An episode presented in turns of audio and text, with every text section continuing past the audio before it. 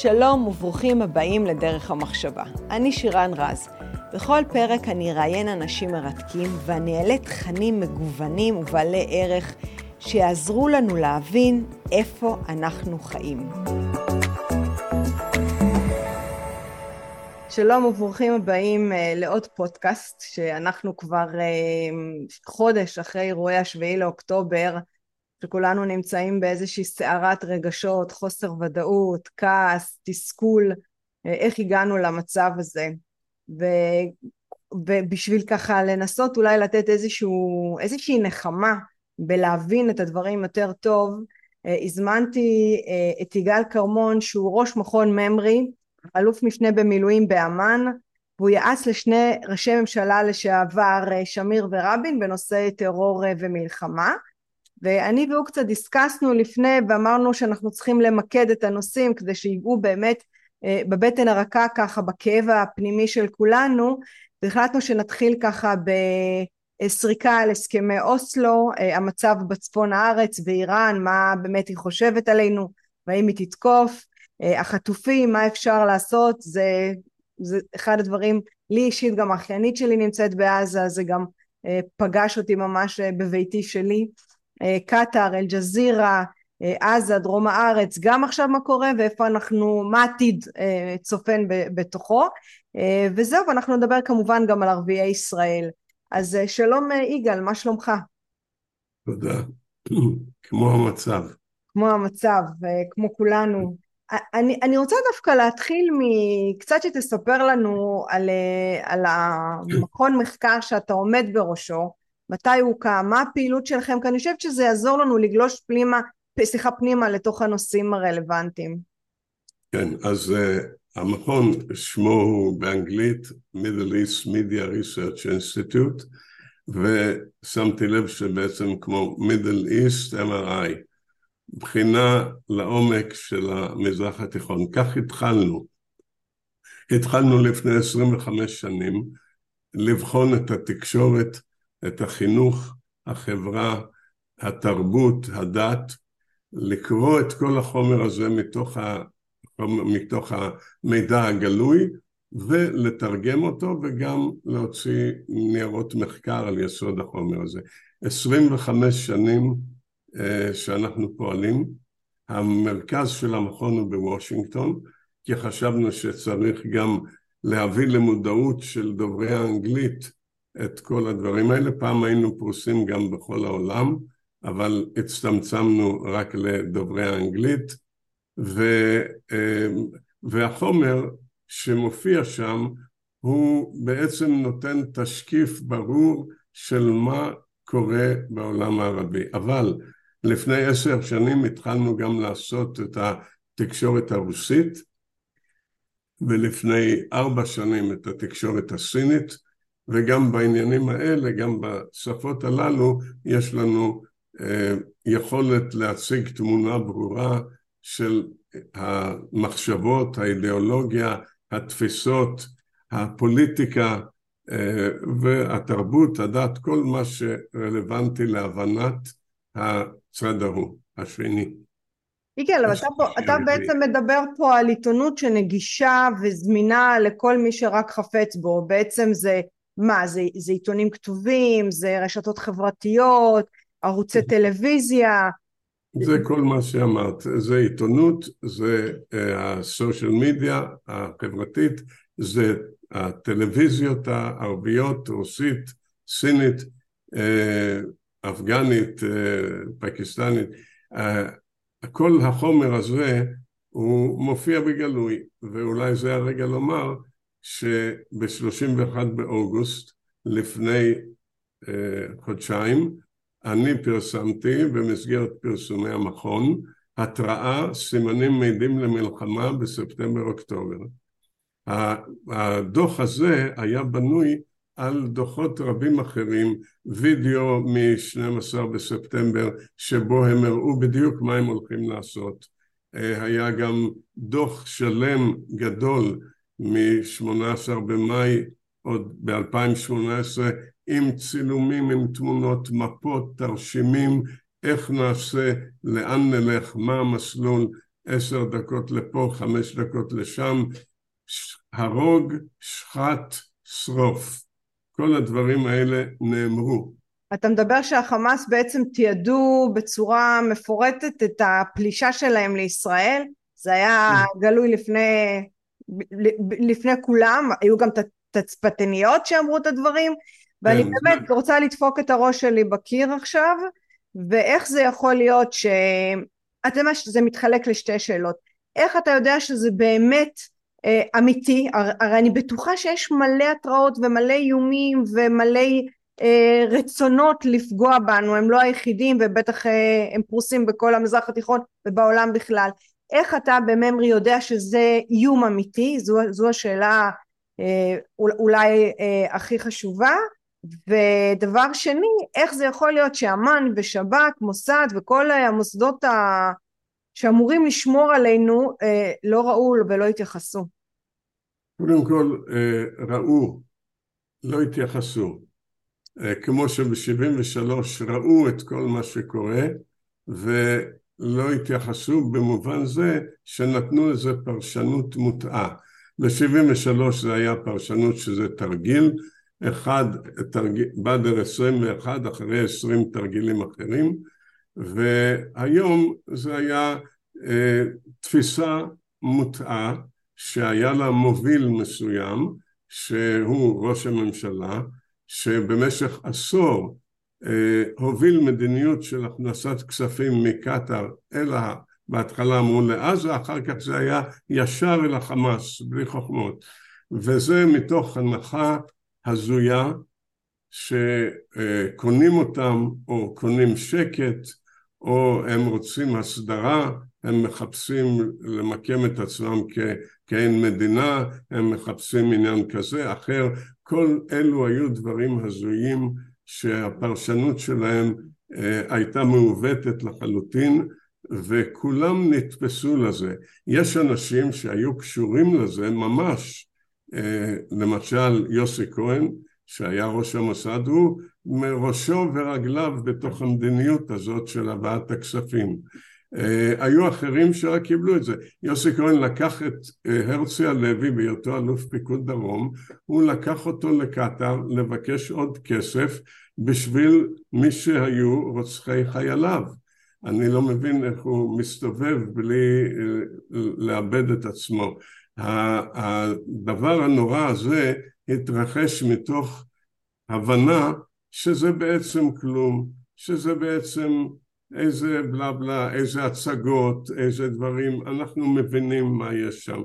זה לא זה. ועכשיו את שואלת איך יודעים שזה זה. בדיוק, לא זה צריך, בדיוק השאלה. לא צריך לדעת, לא צריך לדעת. ש... מה זאת אומרת? כשהם אומרים, אנחנו, סנואר אומר, נשלח עליכם אלפי טילים. מה לא נכון פה? היו סיבובים, הם שלחו אלפי טילים. צריך, אה, מי שמחויב בתשובה זה לא אני, זה אלו שביטלו אותה. למה לבטל? לא למה להאמין. למה לבטל? איזה סיבות יש? אתה רואה אותם מתאמנים.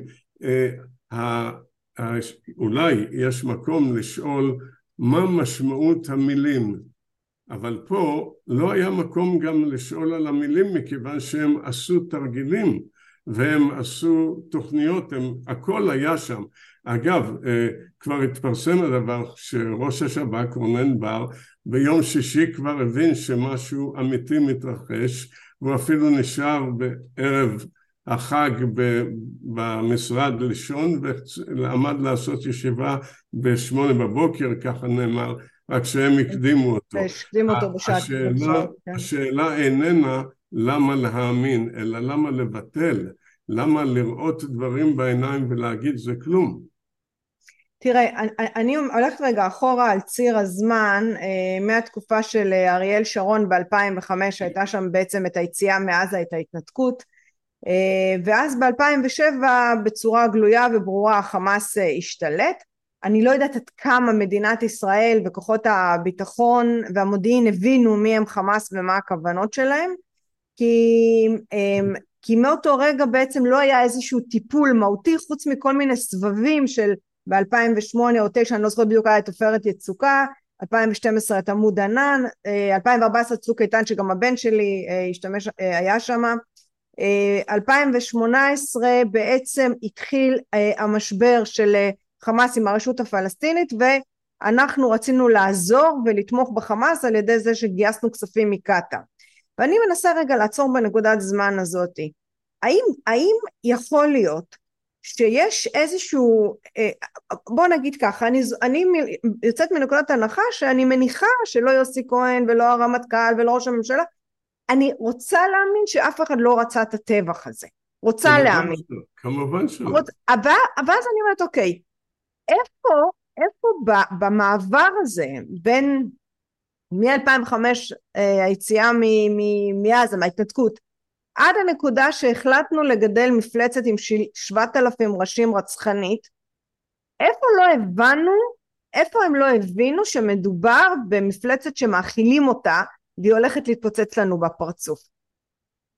לזה אחראי ראש הממשלה באופן אישי. הוא כפה את המדיניות הזאת של קבלת כספים, הוא החליט שהדברים האלה מובילים להרגעה, להסדרה, עוד כל מיני ביטויים חסרי שחר, שקונים אותם שהם אה, בסופו של דבר הם מחפשים איזשהו הסדר איתנו, הסדרה, כל מיני דברי הבל ורעות רוח שבצדם אפשר היה גם לחזק את כוחנו הצבאי. אם אתה רוצה להבין ככה, תבין ככה, אבל תשים גם כוחות על פי מה שאתה רואה בעיניים. ולא על פי ההזיות והביטול של מה שאתה רואה בעיניים. את זה לא עשו. וכמובן שאף אחד לא התכוון לשום דבר, לשום אסון כזה. אני אבל רוצה לא להאמין. התכוון ב-73, כמובן, אבל אף אחד לא התכוון ב-73, אף אחד לא מתכוון בשום אסון כזה לדבר הזה. אבל יש עניין של חוסר אחריות מזעזעת. יש עניין של, אני אומר, אחריות פלילית. כי מי שבסמכותו למנוע דברים כאלה זה לא רק עניין של מדיניות. יש לו חובה ואחריות לדאוג לביטחון ישראל. ואם הוא מפקיר אותו בכל מיני עניינים הזויים אז יש לו גם אחריות פלילית לא רק אחריות uh, כללית פוליטית אבל יגאל אנחנו מזהים פה איזשהו דפוס שהוא לא נכון רק לבנימין נתניהו לא שדרך אגב אני מוציאה אותו מאשמה אלא אני דואגת באמת ואני מנסה להבין מה יהיה ביום אחרי שהוא ילך אם אנחנו לא נחזור על הדפוס הזה. כי גם ב-73 היו לנו את כל הסימנים שאנחנו הולכים להיכנס למלחמה. גם בהסכמי אוסלו אנחנו ידענו שיאסר ערפאת יד אחת מושיט לשלום ויד שנייה הוא ממשיך לחמש את הטרור ואין לו שום כוונה חוץ מלבנות איזושהי תוכנית הסוואה כדי, כדי לכבוש בחד, בחזרה אה, את מדינת ישראל, את פלסטין.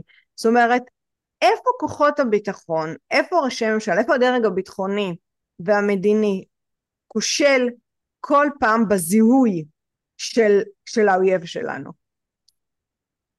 אה, הכישלון הוא בכך שהולכים לפי מה שרוצים לראות ומה שמבקשים שיהיה. רוצים שיהיה שלום ומתאימים את, ה, את כל מה שרואים לשאיפה הזאת. וזה דבר חמור ביותר. אז אם זה אנשים פרטיים שעושים את זה, אוקיי, אבל אם זה אנשים שממונים על הביטחון ושעליהם כולנו סומכים כי בסופו של דבר יש מי שידאג אם זה לא כמו שאנחנו רוצים אז uh, כמובן זה כבר חורג מכל אפשרות. תראי, אוסלו uh, היה בנוי על תפיסה שיש בצד השני מישהו שרוצה שלום. את כל הסימנים ההפוכים דחו, uh, ביטלו. אני זוכר, אני אמרתי בשעתו שיהיו קטיושות מעזה, אז היו קטיושות. אפילו ידידיי אמרו לי שאני צריך להתאפס כי זה לא מה שקורה, היום זה כמובן אה, מנת חלקנו, אבל גם הרבה לפני זה, אה, אנשים צריכים באופן כללי להכיר בכך שכשהצד השני אומר משהו הוא מתכוון לו. הביטול הזה, אני אומר בפשטות, הוא גזעני.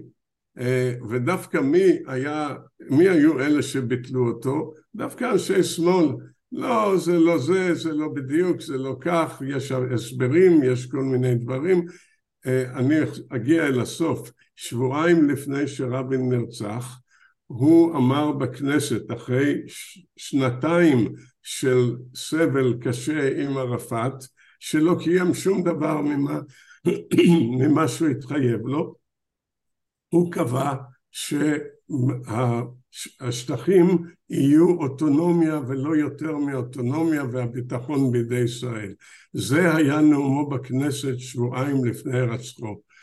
לא הייתה, לא היה לו שום אמון יותר בערפאת, וערפאת הוא עדיין לא אפילו אנשי החמאס, ששם זה עניין דתי עמוק.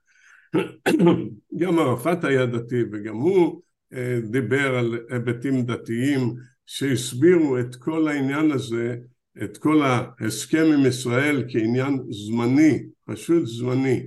לאנשים הדתיים הוא אמר זה כמו הסכם חודייביה שהנביא מוחמד אה, אה, כרת עם אנשי קורייש ואחרי שמונה עשר חודשים הוא שכח ממנו וחבש אותם ולחילונים הוא אמר זוהי תוכנית השלבים שלנו בקיצור שקיבלנו ב-74 לא לקחת את זה ברצינות, אנחנו רק מחזקים את עצמנו לקראת היום. אני שמעתי לא מזמן את מרב מיכאלי שאמרה שהסכמי אוסלו לא צלחו ומדינתנו לא שורה בשלום ושגשוג בגלל אה, גולדשטיין המרצח ובגלל יגאל עמיר זאת אומרת מה שאתה אומר זה לא משהו שבתפיסה של השמאל אלא אה, אצבע מאשימה שזה יכול היה לקרות אילו לא היו שני המרצחים האלה. אז בעצם אתה בא ואומר שרבין עוד בעודו בחיים כבר הבין את זה. נפל לו האסימון שהוא צריך להחזיר אחורה את הגלגל ולעצור אה, בחריקת בלמים את אה, הסכמי אוסלו כי זה הולך להתרסק לנו. ודאי, זה התרסק התרסק. באותן שנתיים. תראי העניין הזה של גולדשטיין הרוצח הנתעב הזה ועוד כל מיני, זה איזה ניסיון של אנשים מסוימים להסביר את טעותם ולהטיל אותה על מישהו אחר. אה, היה יכול להיות, אבל רבין בעצמו לא נדרש לאוסלו, הוא לגולדשטיין, רבין עצמו נדרש לעניין מה שערפאת עשה לו, זה עולל לו, עולל לרעיון הזה. גם אה, פרס אמר הזדמנות מסוימת שאוסלו היה טעות, טעות, אבל מי שילם את מחירה, וגם אה, רבין אה, דיבר על כך, וגם שינה את דרכו לחלוטין. אוקיי. אז זה העניין של גולדשטיין, ככל שהוא נורא כמובן, הוא ממש ניסיון עדיין להמשיך ולא לראות את האמת בעיניים. והאמת היא כל האידיאולוגיה, כל החינוך, כל התפיסה שבעצם זוהי ארצנו שנגזלה מאיתנו, זהו החינוך, זה הרעיון, נגזלה מאיתנו ואנחנו צריכים להשיב אותה. פעם אמרו לי אנשים, אתם חזרתם לפה אחרי אלפיים שנה ואתם חושבים שאנחנו נחזור אחרי שבעים, נוותר עליה אחרי שבעים. המימד האידיאולוגי שהוא כולו מופיע בחומר הגלוי שאנחנו פרסמנו. הוא מימד עמוק ואמיתי, רק מי שמתייחס אל האחרים בגזענות, כאילו שהם מדברים אבל זה שטויות, הם לא מתכוונים לכלום, אה, יכול לבטל את הדברים האלה. אז הם עשו הסכם, אבל הם אמרו שהוא זמני, והם אמרו שאנחנו רוצים את זכות השיבה. גם כאשר אולמרט הציע להם את כל השטח של 67, עבאס שאמרו שהוא הלך לביתו בצפת ואמר לילדיו לפה לא נשוב. הוא הולך לכל מקום ופה יש לו מפתח. המפתח. השיבה לבתיהם. אה, חשוב דרך אגב להסביר על המפתח הזה למאזינים שלא יודעים זה אונר"א מעודדת את זה. אה, היא משאירה, אה, היא נותנת שרשראות עם מפתחות לכל הפלסטינים והיא משמרת באמת את ה... אה, את הנרטיב הזה כש, שהם יחזרו לביתם עם המפתח ויפתחו את דלת ביתם בארץ ישראל. אונר"א זה הפלסטינים עצמם, זה נכון. לא שאונר"א, הם עצמם. עושים את זה. פליטים אה, זה גם עניין קצת, אה, אולי נידרש לזה בתוכנית אחרת, העניין של פליטים הוא מורכב מאוד, המחנות הפליטים הם חמש קומות אה, של בתים, עזה כל מי שרואה את ההפצצות רואה איזו עיר אדירה, אדירה, אדירה יש שם, פשוט להסתכל על הבתים, על המבנים, על הכל, 22 מוסדות חינוך גבוה, אה, מו"לים, אה, קניונים, פארקי מים, אה, זה, נדרש לזה בהזדמנות אחרת עם תמונות, אבל מי שרואה את התמונות היום בהפצצות יכול לראות עיר אדירה, עיר ראם נקרא לה, איזה, לא היה שום סגר, המעבר למצרים היה פתוח, מאות אלפים עברו, זה הכל איזה ניסיון אה, נתעב להצדיק באיזשהו אופן את מה שהם עשו, אבל הם עשו את זה מתוך אידיאולוגיה אסלאמיסטית ולא מתוך שום דבר שגם לא היה ולא נברא, שכמו שאמר מזכיר האו"ם לא בא משום מקום. משום מקום זה לא בא, זה בא מהאידיאולוגיה שלהם, אבל עזה הייתה בתנועה של פריחה כפי שאפשר לראות מן הבתים, אז פה היו גם עניים, אבל מחנות הפליטים זה כולם בתים, לא מי שחושב על מחנות הפליטים, אוהלים. על עוני שהביוף אה, זורם והם משתכשכים שם והם... והם בתים, בתים גדולים, בתי קומות ו... טוב, זה לא הנושא שלנו עוד. לא, זה חשוב מה שאמרת, שבעצם מנסים לייצר בעולם תמונה שאנחנו נועלים אותם בתוך סגר מאוד מאוד הדוק והם חיים שם בעוני מחפיר ולא, ולא לא לחינם הם אה, גידלנו את המפלצת הזאת שרוצה להתנפל. דרך אגב, אמר, אמרו, אומרים את זה גם אנשים מאצלנו, זה לא, לא צריך ללכת כן, אפילו ל... גדעון לוי אומר, אתם גידלתם את החמאס, בגללכם זה קורה, אתם התעללתם בהם, אה, אנשים אצלנו אומרים את זה, זה לא צריך ללכת רחוק. גידלתם את החמאס, זה נכון, כן. אבל ההתעללות היא דבר מוברח.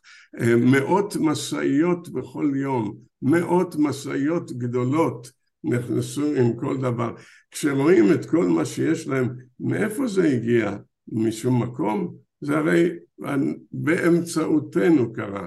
עכשיו, אנחנו לא טיפחנו את האידיאולוגיה של החמאס, אז זה הרי עניין מטורף, אתם גידלתם. מדובר בארגון דתי קיצוני שאויב אש"ף, אויב לרשות הפלסטינית, אויב בכל מקום במצרים הם אנשי איחואן, אנשי אחים מוסלמים, נגד המשטרים הערביים החילוניים, זהו החמאס, אז מה, מה כל העניין גידלתם?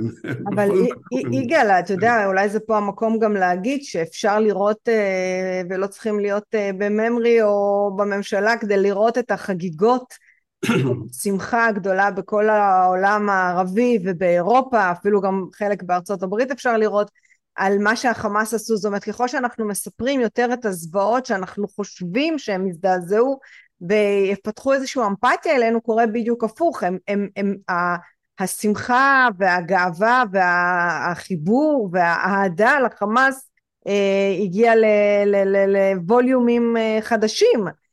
אה, קודם כל אנחנו לא מפיצים שום דבר. למשל את החומר של ממרי, שפשוט מתרגם אותם, משרד החוץ לא מפיץ, והסבריו עמו, דבר, אין לי מילים בשבילו, אבל גם לא מפיצים את הזוועות שהם עשו. משרד החוץ עשה שתי הקרנות לגורמים שונים, לעיתונאים, לדיפלומטים, ואמר לכולם, אתם באים בלי טלפונים, לא מצלמים, אז מה יש להם להסביר? הם יתחילו לתאר תיאורים מילוליים?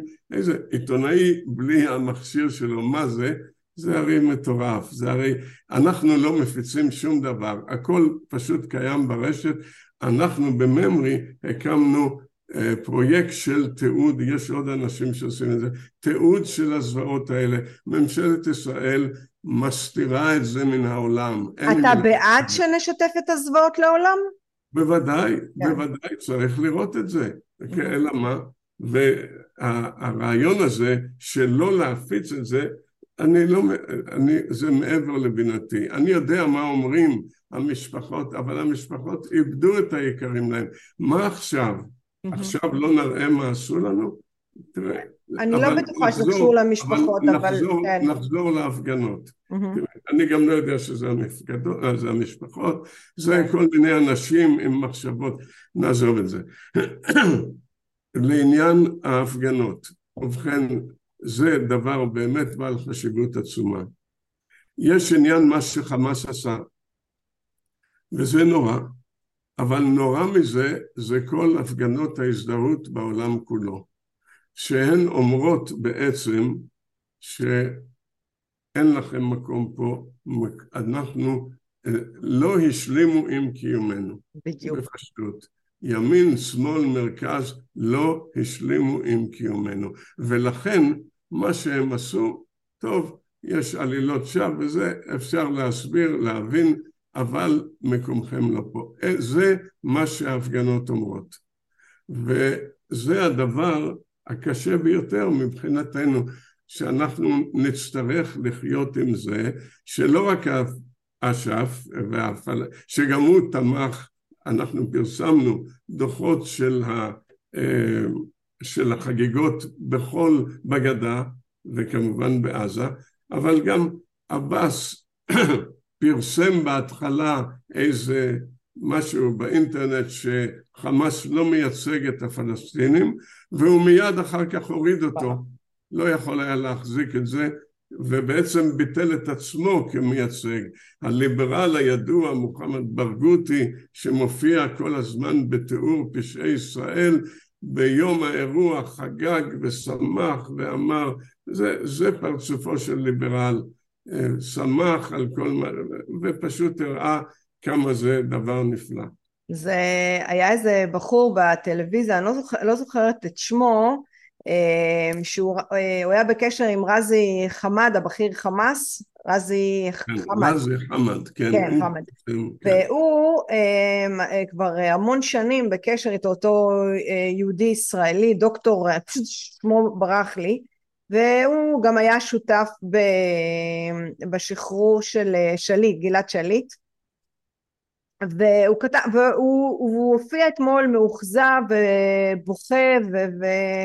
אה, עצוב איך יכול להיות שאחרי כל כך הרבה שנים שהוא היה בקשר עם רזי הזה והם דיברו על אה, לרקום איזשהו הסכם שלום והם נפגשו אישית ועשרות טלפונים או מאות טלפונים פתאום הופיע בחדשות ואמר לא רק שאני לא מצטער על השביעי לאוקטובר אני אעשה את זה שוב ושוב ושוב ושוב. זה מה שהבכיר חמאס הזה אמר. והוא ואותו יהודי ישראלי אמר הכל התרסק לי מול העיניים כי אני האמנתי שהוא באמת רוצה למצוא פתרון בין החמאס, בין הפלסטינים למדינת ישראל ואני חושבת שמה שקרה לו, לא, אמנם אצלו זה היה מאוד קיצוני כי הוא היה בחבר, חבר קרוב של פעיל חמאס, בכיר חמאס, זה קורה להרבה אנשים היום במדינת ישראל, אתה, אתה חווה את אותה תחושה כמוני? ההתנפצות הזו של אה, שרוצים בהשמדתנו? קודם כל, לא, כמובן שלא, כי אנחנו קוראים את זה ומפרסמים את זה, ורבים גינו אותנו על מה שאנחנו מפרסמים. כמובן שאנחנו מפרסמים כל ליברל וכל מתון וכל איש בעל דעה אחרת, אנחנו מפרסמים אותו. גם את כל הקיצונים, את רזי חמד הזה, אנחנו פרסמנו את הקליפ הזה והגיע ל-27 מיליון צופים ועדיין זה עולה, זה פרסום שלנו אה, ושוב אני חוזר למשרד החוץ שלא מפרסם את החומר שלנו שזה טירוף מוחלט אבל נחזור לעניין הזה אה, מה יש לנו כאן? אנחנו התיישבנו כאן ואני רוצה לרגע שניכנס מתוך אמפתיה שאיננה קבלה. אמפתיה איננה קבלה. אמפתיה היא ניסיון להבין את הצד השני. להיכנס לנעליו ולהבין איך נכון, הוא חושב. נכון, זה כל מה שפסיכולוג עושה כשהוא מטפל בעניינים קשים ונוראים. הוא חייב להיכנס לתוך זה. ובכן, מה יש לנו כאן?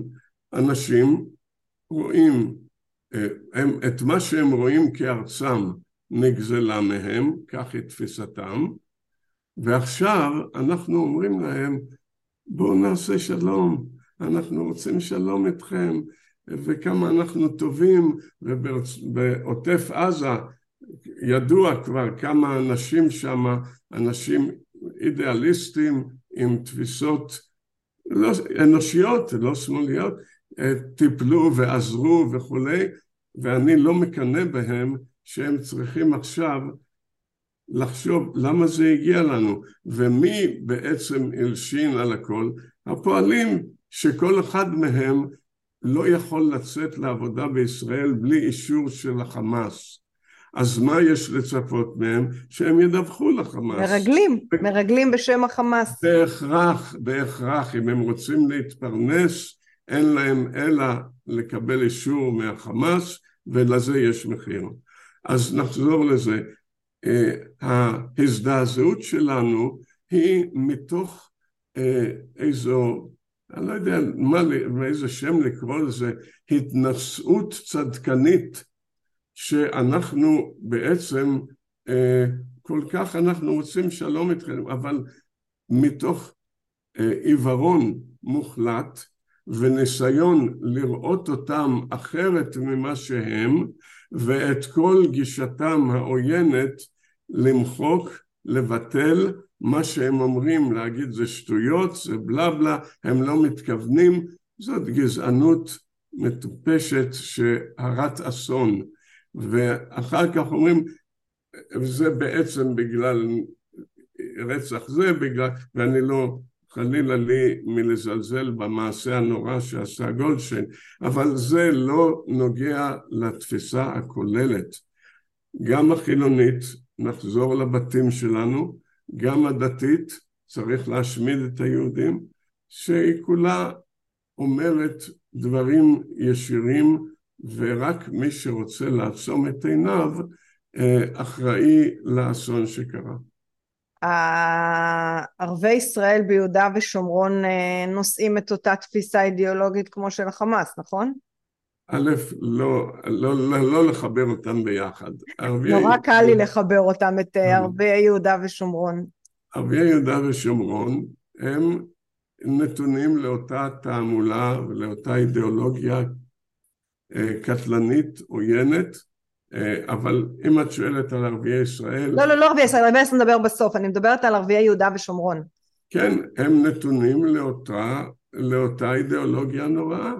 הם משלמים, אש"ף משלם לכל הטרוריסטים שבכלא ולמשפחותיהם, החינוך הוא חינוך מזעזע, אה, שיתוף הפעולה עם ארגונים עוינים הוא בשיאו, מה זה אה, חינוך מזעזע? זה שבעצם מגיל אפס הם עושים מתמטיקה כמה שלושה יהודים אה, פחות יהודי אחד שווה? זה, זה היה פעם, אבל יש דרכים אחרות, חינוך לג'יהאד, חינוך למסירת הנפש, חינוך לכך שמי שנהרג בפיגוע הוא אה, שהיד, הוא קדוש, הוא, הוא איש המעלה, הוא דבר שחייב לשמש למופת, זהו החינוך. וכמובן כל הארגונים, כל האוניברסיטאות, כולם במסלול אחד, אנחנו נשיב את פלסטין בכוח. אה, אנחנו, אנחנו נחזור עוד לעזה, אבל אני לא יכולה ש, שלא לדבר רגע על החטופים, כמובן אחרי זה נעבור לאיראן ולדרום, אבל uh, יש לנו שם חטופים, uh, ומבחינתי חיילי צה"ל החטופים הם בדיוק אותו דבר כמו אזרחים, לפחות לתפיסת עולמי. ואולי גם פה אתה תסביר קצת על קטאר, אבל ראש המוסד לשעבר אמ, נסע לקטאר ומנסה לבנות, אה, לבנות איזשהו מסלול או איזשהו תיווך או איזושהי אמ, עסקה לשחרור החטופים, אני לא, אני אישית לא רואה שזה מתקדם. אה, בני המשפ... אה, סליחה, המשפחות מבקשות לשחרר את כל האסירים הביטחוניים בתמורה, אה, מה אתה אומר? מה הפתרון? אפשר לשחרר ואיך? אני, מן היום הראשון אני הופעתי בטלוויזיה ואמרתי להציע את כל האסירים שבידינו תמורת כל החטופים. אה, ומשום שזה מצב מיוחד במינו שלא היה כמוהו, זה לא אחד גלעד שליט, זה לא ארבעה או שניים הרוגים, פה מצב שיש שם תינוקות וילדים שהוריהם נטבחו ו, ועוד כמות, זה מצב אחר ובמצב הזה אי אפשר להביט בעיני המשפחות בלי להציע, להציע את כל מה שיש בידינו. ואם הם לא מקבלים אז יש לנו יכולת להביט, להישיר מבט ביניהם ולהגיד הצענו כל מה שיש לנו אבל לצערי הממשלה הזאת לא עשתה את זה. גם אם המחיר לשחרר אה, כל, כל כך הרבה מרצחים, ששת אלפים מרצחים. כל מחיר ילכו לעזה, נטפל בהם בקרב הגדול. שילכו אל חבריהם וישתתפו בקרב, זה מקומם, זהו. כל מחיר שאפשר. אבל לא הציעו את זה בכלל. אני לא הצעתי את זה במקום הפצצות, את ההפצצות צריך להמשיך. אבל גם להציע הצעה חיובית, והיא זו שנציע את כל מה שיש בידינו בשבילם. עכשיו, כן, סליחה. יש, הם לא מקבלים את זה בכלל, הם אומרים יש לנו עוד תביעות, עוד דרישות, זה לא רק עניין החטופים. אבל בעניין החטופים יש לנו דרך אחרת. והדרך האחרת הזאת לצערי העמוק לא קיימת בתקשורת רק מעט מאוד וזה בגלל, שוב, בגלל אותו ראש ממשלה ואותם אנשים שהיו מעורבים ביחס הנורא כלפי קטאר. ובכן, מה העניין? קטאר היא חמאס וחמאס היא קטאר. זוהי אחדות אחת. כל טיל כל רוצח, ארבעים אלף, כל רחפן, כל אופנוע, כל כדור, כל עזה מתחת לקרקע שאנחנו נילחם בה עכשיו, אה, הם קטאר. קטאר היא צינור החיים של החמאס. קטאר היא תומכת טרור אה, אסלאמי עולמית, לא רק חמאס. הטליבן והמדינה האסלאמית ואל-קאעידה ואחואן, כולם, כולם ניזונים מקטאר, מכספה של קטאר. וזה שלמשל את ה mastermind, המארגן של פיגועי ה-11 בספטמבר, הם החביאו אצלם בעיריית דוחה, וכשבא ה-FBI לעצור אותו, אמרו את זה רק לאמיר, האיש נעלם תוך, תוך כמה שעות. קטאר החזיקה את, בדוחה שייח' מראשי המוכרן, שייח' יוסף אל-קרדאווי, שהתבטא בווידאו ואנחנו הקלטנו ותרגמנו שהשואה הייתה עונש ליהודים והפעם הבאה אינשא אללה תהיה בידי המאמינים שהם המוסלמים. זוהי קטאר, קטאר איש אה, מחבל אה, ממש היה ראש המשרד שלהם בסומליה. אה, איש אחר בספרד נעצר לשבע, נכלל לשבע שנים על מתן כסף, על העברת כספים לקטאר. קטאר היא גורם איום ונורא, וכל מגע איתו וכל קשר איתו הוא פשוט בגידה באינטרס הלאומי שלנו. עכשיו אומרים עושים את זה משא ומתן.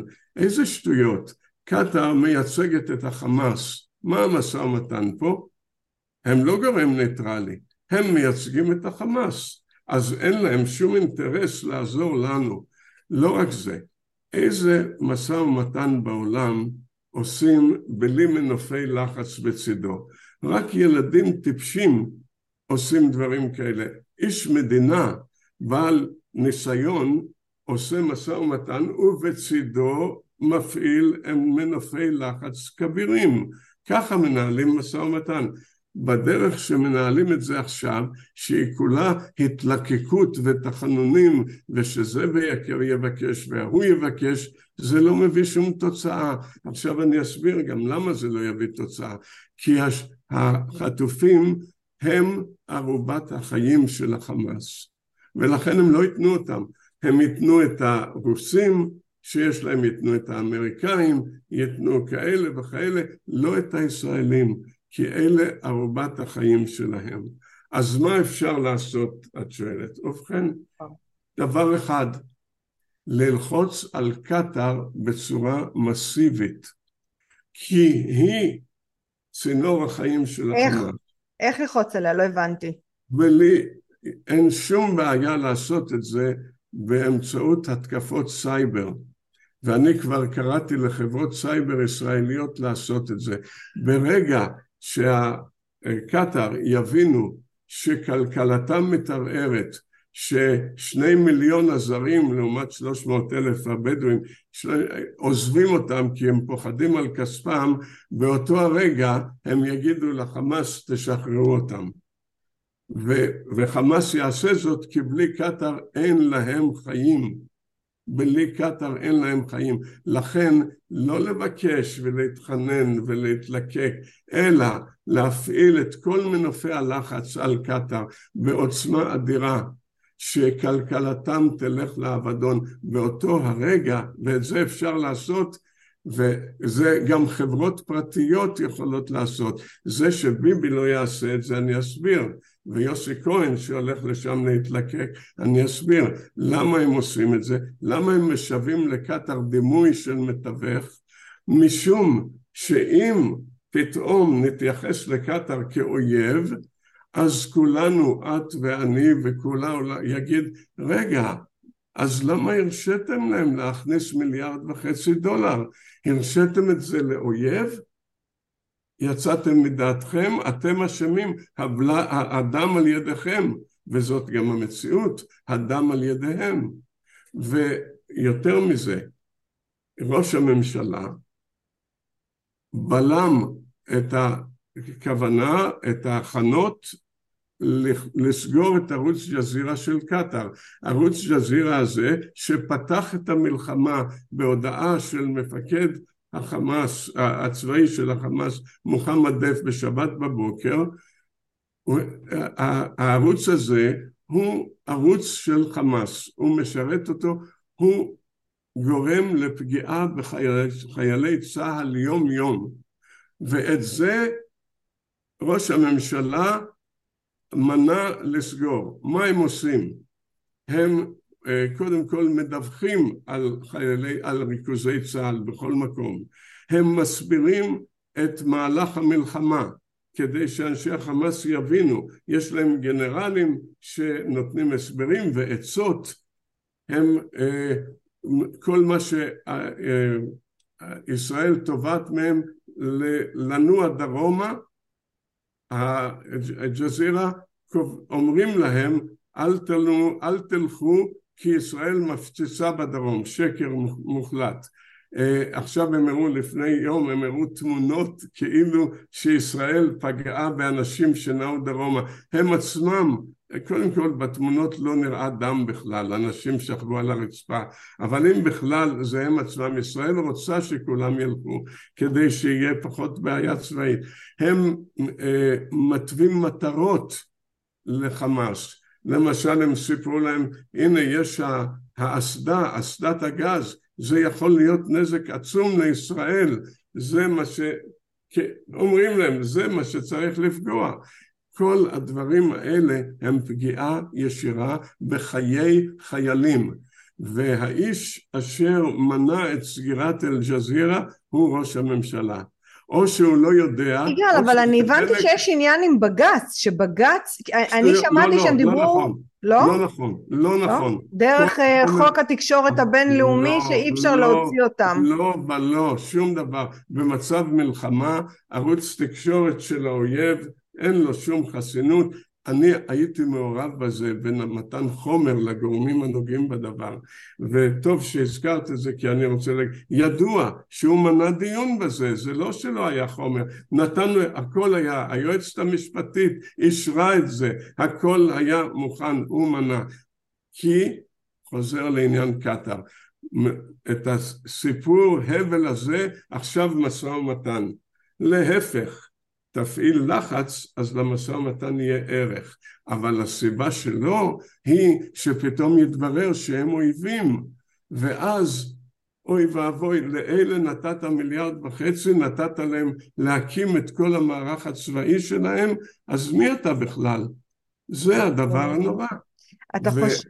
כן, סליחה. אני, אני רוצה לחזור... כן, כן, סליחה, בסדר. לעניין, כן, לעניין ג'זירה, אה, יש לנו דוגמאות בסומליה, ראש משרד ג'זירה היה טרוריסט, גם פה הם, הם נותנים הגנה, הם מספרים שבאמבולנסים יש פצועים, צה"ל ידע שבאמבולנסים יש אנשי חמאס שרוצים לברוח.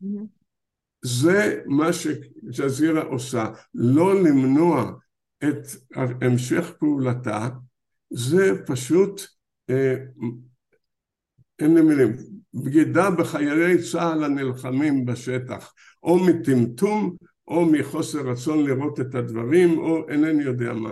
עכשיו, אני פונה לשני ערוצי, אה, אני לא יודע איך לקרוא לזה, יס yes והוט. תארי לעצמך שהם אשר מעלים את שידורי ג'זירה לאוויר. הם. והם לא יודעים מכלום. והם לא מכירים שום דבר. מעל הפודקאסט שלך, אני קורא להם, תפסיקו, מה אתם מרוויחים מזה? רק את רצח חיילינו. תפסיקו להעלות את הערוצים האלה לשידור, זה נעשה דרכם. אני שמעתי את זה מראש המערכת הכבלים שלנו, אה, ניר שוויקי. זה, זה פשוט אנשים, משום מי ידע? הממשלה צריכה להגיד להם, אבל הממשלה עסוקה בהגנה על קטאר ועל ג'זירה, כי זאת הגנה על עצמם, על אורם. יגאל, אתה חושב שזה נכון בזמן מלחמה להחליף את ראש הממשלה? אני אומר ככה, אה, רק אם האמת נבשה. שזה אומר? בלי אמת לא נבשה, וצריך לחשוף את חלקו וכמובן אין שום סיבה שאדם, אילו היה משנה את דרכו, אלוהים אדירים, היה יוצא נגד קטאר, היה יוצא נגד ג'זיר, היה מפעיל את כל כוחו, כל הלחצים, הכל, אז מה שהיה היה, עכשיו קלטנו, רימו אותנו, לא חשוב, נתנו לעצמנו להתרמות, אבל נעזוב את זה, ויוצא למאבק האמיתי הזה, אז הייתי אומר נחכה לאחריות לאחרי המלחמה. אבל אי אפשר לחכות כי הוא פוגע באינטרסים ב, ביכולת הצבאית ובאינטרסים המדיניים והכלכליים בכל יום ובכל שעה. אז בוודאי שממש עכשיו. כן. אה, אתה רוצה שנעבור אה, במעבר חד ללבנון, לצפון, נראה אם אנחנו הולכים להיות מופגזים שם ולהתכונן? ובכן, אה, בצפון צריך לדעת שנסראללה, ואני אמרתי את זה כמה פעמים בתקשורת, הוא מגביל את מלחמתו לאזור הצפון. היא מאוד כואבת. אתמול בנאום שלו הוא התגאה שהוא אה, גרם לפינוי 42 יישובים, הוא אמר שהוא מרתק שליש מצה"ל לשם, כנראה נכון, הכל נכון, יופי, זה יופי, לא יופי כמובן, זה אסון, אבל הוא מגביל את עצמו לרצועה עשרים, אפילו שלושים קילומטר. יש לו, לעומת זאת, 160 אלף טילים, שאם הוא יפעיל אותם, זהו הכוח האמיתי שלו. ואם אותם הוא יפעיל, זה כמו פצצת אטום קטנה על ישראל. את וואו. זה הוא לא עושה. למה הוא לא עושה את זה? שתי סיבות. האחת הכבדה מכיוון שהוא כבר נאמר לו שישראל תחזיר את לבנון לתקופת האבן, כמה שהיא תיפגע. הוא לא, אף אחד מדוברינו לא הסביר איך, אבל אני הסברתי איך בערבית בכמה ערוצים. מה שאנחנו נעשה זה לפגוע בביוב, במים ובחשמל של לבנון. עכשיו, תארי לך, שירן, עיר כמו ביירות שני מיליון איש בלי ביוב. מחלות. זו קטסטרופה אנושית, מחלות, כן. זה, זה, זה חזרה לתקופת האבן. והם מבינים את זה, והלבנונים שאינם חיזבאללה זועקים כל הזמן אל תכניס אותנו למלחמה הזאת. ודוברים רבים וכולם תרגמנו וכולם באתר שלנו. הוא גם יודע שהאיראנים בשעת המבחן לא יעזרו לו, יבגדו בו, כי עשו לו את זה כבר ב-2006, כשהוא נדחף על ידיהם למלחמה, כשישראל הרסה אותם, האיראנים לא באו לעזרתו. אז הוא יודע שהם יבגדו בו שוב. כמו שהם עכשיו בגדו בנאומו אתמול, התברר שהוא לא נכנס למלחמה, הוא אמר לכולם זה עניין פלסטיני, פלסטיני, פלסטיני, הם עשו את זה וכולי. טוב. עכשיו, ומה כן. שאנחנו עושים כן. זה כבר משהו גדול. אבל איראן, מה עמדת רגע, שנייה רגע, לבנון, שנייה רגע, אני רוצה עוד שאלה אחת. אה, אה, אני אולי בגלל שאני גרה בצפון, אז יש לי אינטרס יותר גבוה. אבל אוקיי, נאמר שכרגע הוא לא ייכנס כי הוא לא ירצה שאנחנו נחריב, שליש אה, מהצבא פה, רבע מהצבא האמריקאי במזרח התיכון, הוא לא רוצה שנכתוש אותו. אבל זה לא יישאר ככה לנצח והכוחות שלנו ייסגו אחורה, כולל ארצות הברית. השאלה אם, אם זה לא משהו שהוא ממתין, בדיוק כמו שקרה לנו עם החמאס, שזה הם חיכו לשעת השין בשביל לתקוף, ואז זה לא שהוא לא יתקוף, אלא הוא לא יתקוף עכשיו? זה, זה מה שאני שואלת. כן, ותשובתי גם כן לעכשיו. אוקיי. עכשיו לא פותחים חזית נוספת לפני שגמרנו עם הראשונה. הבנתי, אוקיי. ולראות את מה שהוא עושה, אה, זה די כמו, בדיוק כמו החמאס. אה, הוא מנסה להשתלט גם על כל לבנון, והוא איום נורא, למרות שהוא כרגע מורתע במידה מסוימת, אגב, אה, להבדיל חיזבאללה, שבאמת הוא אותה, אלה בעזה לא הורתעו משום דבר. כל מחזור, כל סיבוב חזרנו ונתנו להם את הכל ועוד יותר כסף ועוד יותר עזרה ועוד יותר כך שהם לא הייתה להם הרתעה. בלבנון הייתה, יש הרתעה מסוימת אבל כמו שאמרנו היא לא, לא לעולם חוסן ואי אפשר. רק כרגע אין לנו שום אינטרס לפוצץ את זה, זה הכל. עכשיו, מה. עמדת... אה, איראן. כשנסראללה דיבר, הוא גם מייצג את האיראנים. נכון. כן, האיראנים הראו עוד פעם שהם יילחמו עד הפלסטיני האחרון, עד האישי האחרון בלבנון, אבל הם עצמם לא ייכנסו לעניין. הם מסיתים, הם אימנו, הם חימשו, הם אה, הדריכו ותכננו, הם היו חלק מ... המגמה של הביצוע, אבל אה, הם עצמם לא יכניסו כוחות איראניים לעניין. מיד ניכנס מה הם עושים באזור הקרוב אליהם. עכשיו, למה הם לא עושים את זה? אה, הם מבינים שארצות הברית, שהביאה שלוש נושאות מטוסים, היא מכוונת אליהם. אבל יורשה לי לומר שגם אני תרמתי לזה קצת, ואני אומר את זה משום שהם שידרו את, ה, את ההופעה שלי באחד הערוצים הערביים. זה כבוד, יגאל. כבוד מפוקפק מאוד. בערבית דיברת? כן, כן, ב-i24, אבל אחר כך גם במכאן. ואמרתי כדברים האלה, אם הפושע בטהרן חושב, או המחבל, שחושב שהוא יחולל עוד שואה אחת לעם היהודי, אז הוא צריך לדעת שהוא וכל all his people, אה, כל שעבו, כל עמו, יוכחדו. אני אמרתי את המילה הזאת, יוכחדו. לא אמרתי איך, כל אחד מבין. אני לא אגיד את המילה. ברור. אמרתי, הם כולם יוכחדו. אמרתי את זה פעמיים, בפעם השנייה אני גם אמרתי את זה עם כל הזהירות הנדרשת, אם, אם, אם, ארבע פעמים אם. אם הם יתערבו, אז הוא וכל עמו יוכחדו.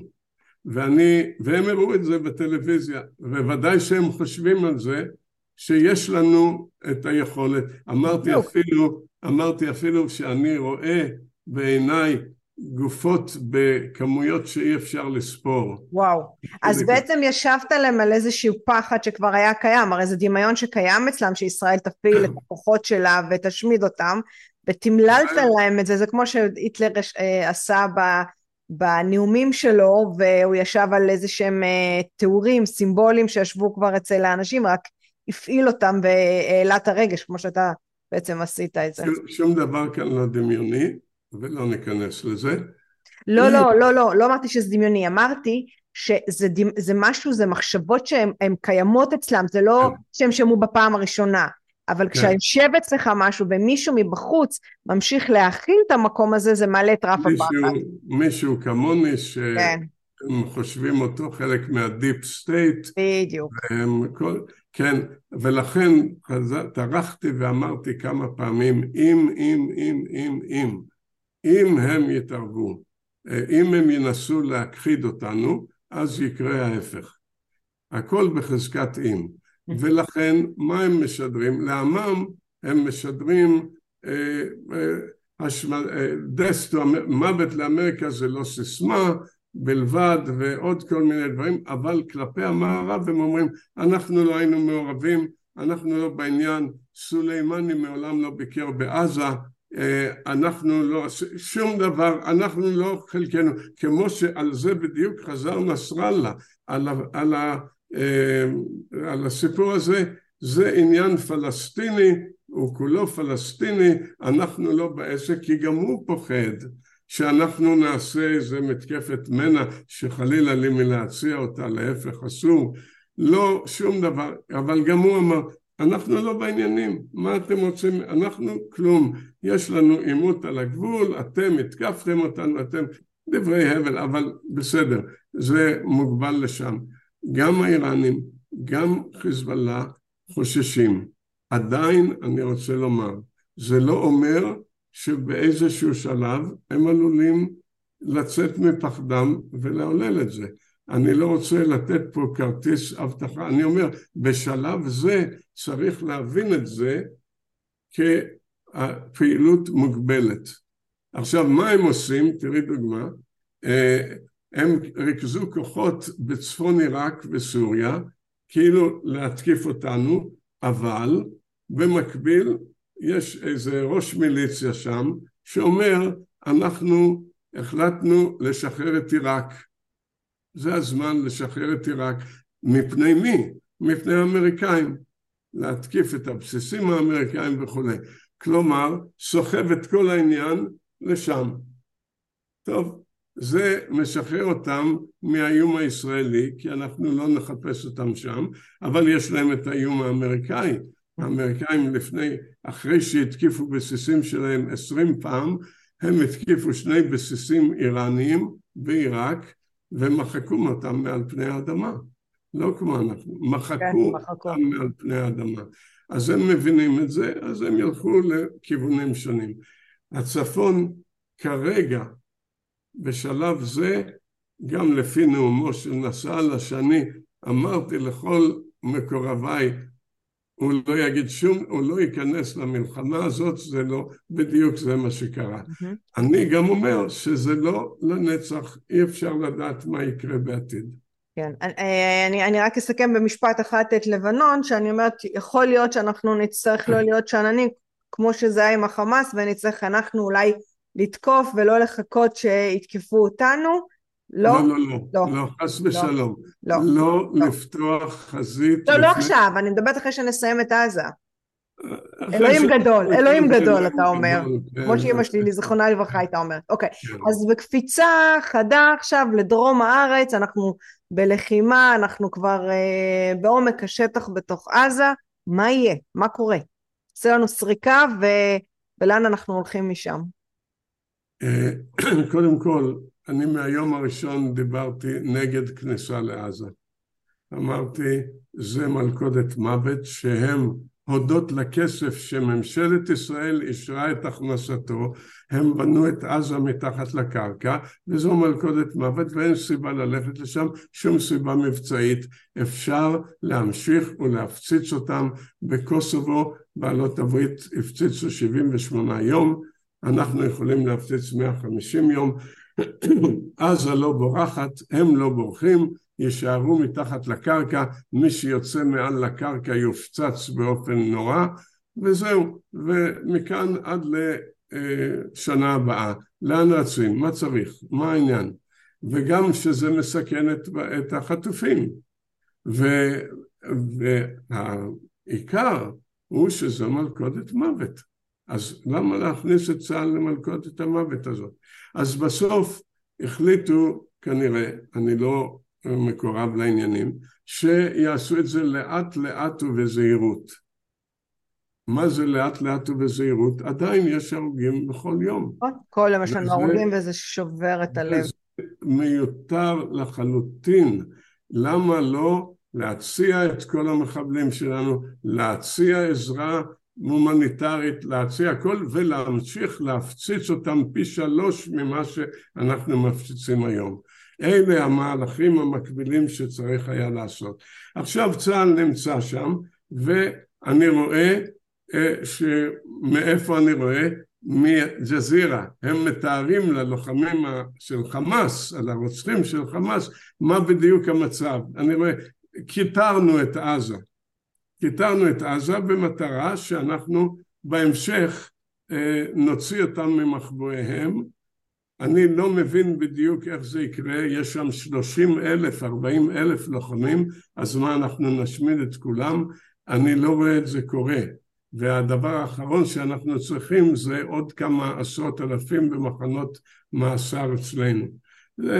אני לא מבין את האסטרטגיה הזאת בכלל, אני חושב שצריך היה להישאר בחוץ ואזור עזה, כמו שתיארתי במאמרי, יהפוך להיות לעשר השנים הבאות אזור של הפצצות כבדות.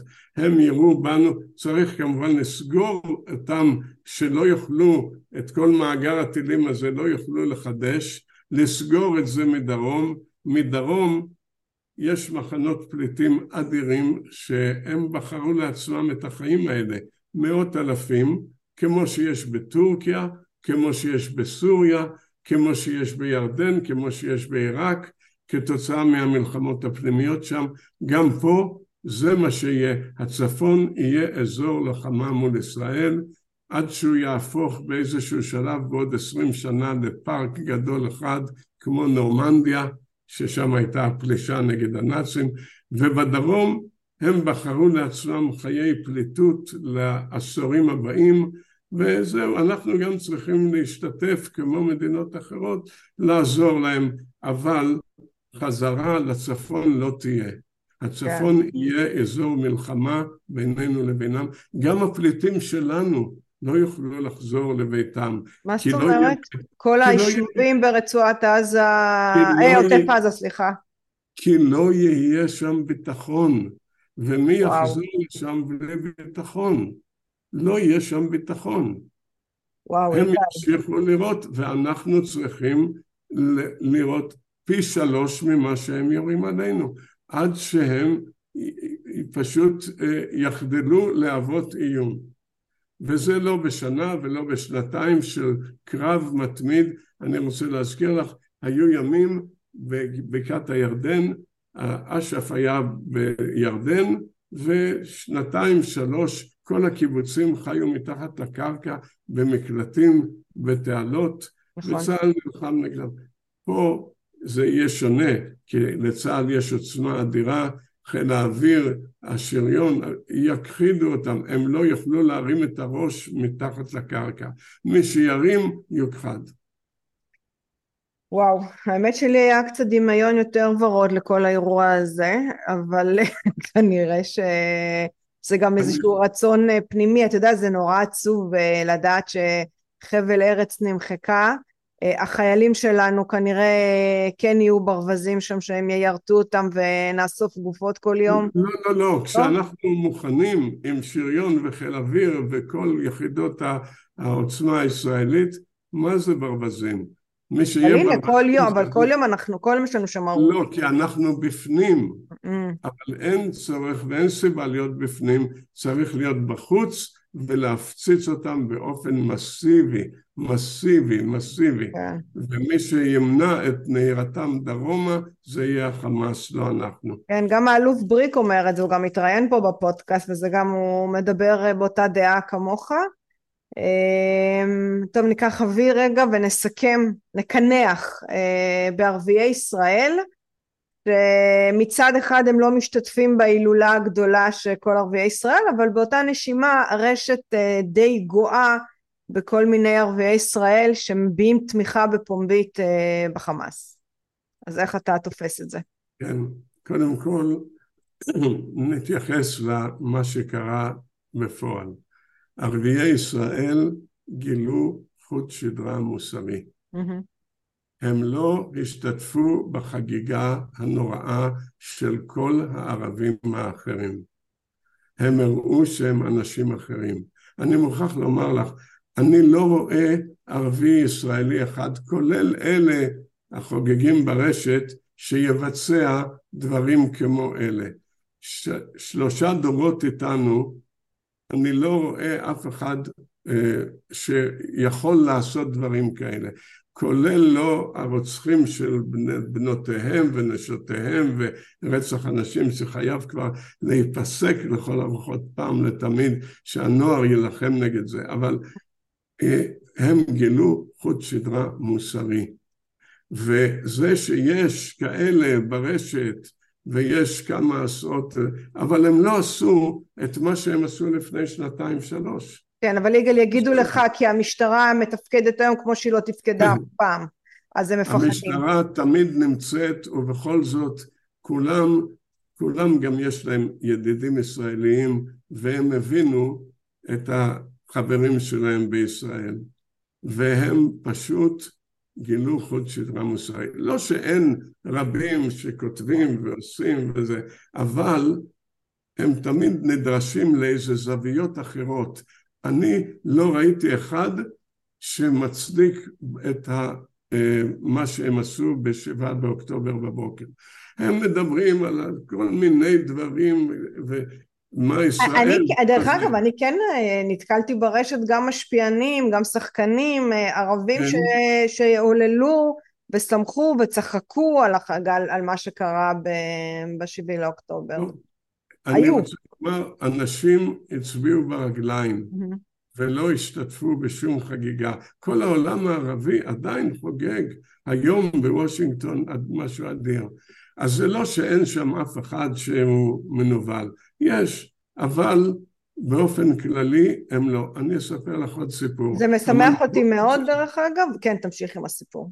המנהיגות שלהם, למרבה הצער, לא התעלתה לרמה הזאת, ואני אספר לך סיפור אישי. צלצל אליי עיסם מחול, היה פעם חבר כנסת קומוניסט, ואומר לי, אני עקבתי אחריך ותראה אנחנו עושים, ואני אמרתי לו את הדברים האלה. והוא אומר, אנחנו עושים כנס. הייתי רוצה שתשתתף. אמרתי, טוב, תגיד לי מה בדיוק הפרטים ואיך. איזה, מה ייאמר, יש חמש נקודות, אוקיי, שלח לי אותן ונראה. אני מסתכל על החמש נקודות וחשכו עיניי. הכל מתחיל בשבת בשתיים, נגיד שלוש, משהו כזה. מה שקרה משש וחצי בבוקר לא קיים. אני דיברתי איתו, אמרתי לו, עסם, מה עם uh, הקטע הזה? הוא אומר לי, תראה, ככה, אמרתי לו, אתם חייבים, אתם מנהיגים, אתם חייבים להתנער מזה בצורה מלאה. אחרי זה אתם רוצים לדבר על ישראל, כל מה שאתם רוצים בסדר, אבל תראו שאתם uh, מתנערים מהזוועה הבלתי אנושית הזאת. חזר אליי, אומר לי, תשמע, ברכה, המוביל של ועדת המעקב, הוא ידבר על זה. אמרתי לו, לא, זה לא מספיק לי, אני לא יודע מה הוא יגיד. זה צריך להיות סעיף מספר אחד. ואחרי זה, כל הטענות שלכם, אני שם, אני אהיה נוכח. הוא לא חזר אליי. זאת אומרת, הם לא היו מסוגלים להביא את עצמם, למרות שהציבור שלהם הצביע ברגליים ולא השתתף בחגיגה, היית מצפה שאחד כמו שיביאו את עצמם לגנות, להתנער. לא. Yeah, אתמול שמעתי אה, חברי כנסת ערבים שמעודדים לרצוח חיילים ולרצוח ישראלים, זאת אומרת הם, אה, לא ברור לי בכלל איך הם יושבים בכנסת, אבל זה כבר... המנהיגות, היא, המנהיגות היא במקום אחד, כן, והעם במקום אחר. הם במקום אחר. זה מאוד משמח אותי. גם שם יש כאלה וכאלה, אבל לא ראינו את ההפגנות האלה עוד לפני שהמשטרה אמרה להם, הם יכלו להפגין באותו יום, עוד לפני שהמשטרה דיברה איתם. יגאל, איך אנחנו, אה, מי שמאזין ורוצה ככה לגלוש פנימה לחומרים של ממרי, איך עושים את זה? ממרי.org, M-E-M-R-I-O-R-G. נכנסים, יש אתרים של תרגומים, יש תרגומים, יש ניתוחים, יש וידאוים, אתר הוידאו, memrytv.org. זה פשוט אוצר אדיר של מידע שצריך להכיר אותו, שזה מה שאנשים מבטאים במילים. אני גם אוסיף אה, בגוף הפודקאסט אה, את הלינקים כדי שיותר קל לאנשים להיכנס. כן. ויגאל, אני יודעת שאתה קורס אה, מעבודה בתקופה הזאת ובכל זאת פינית לי זמן לשוחח, אז אני ממש מודה לך על הזמן הזה, ואמן ונתבשר בימים טובים. זה היה פרק ביי. נוסף של דרך המחשבה. כל הפרקים זמינים באפליקציות הפודקאסטים, בערוץ היוטיוב ובפייסבוק. אם עדיין לא הצטרפתם, זה הזמן. להרצאות בנושא חשיבה יצירתית, חדשנות, יזמות, אסטרטגיה רגשית ומדיטציה, מוזמנים לפנות אל הישירות לאופיס שטרודל שירן רז דוט קום. אני שירן רז ואהיה איתכם גם בפרק הבא.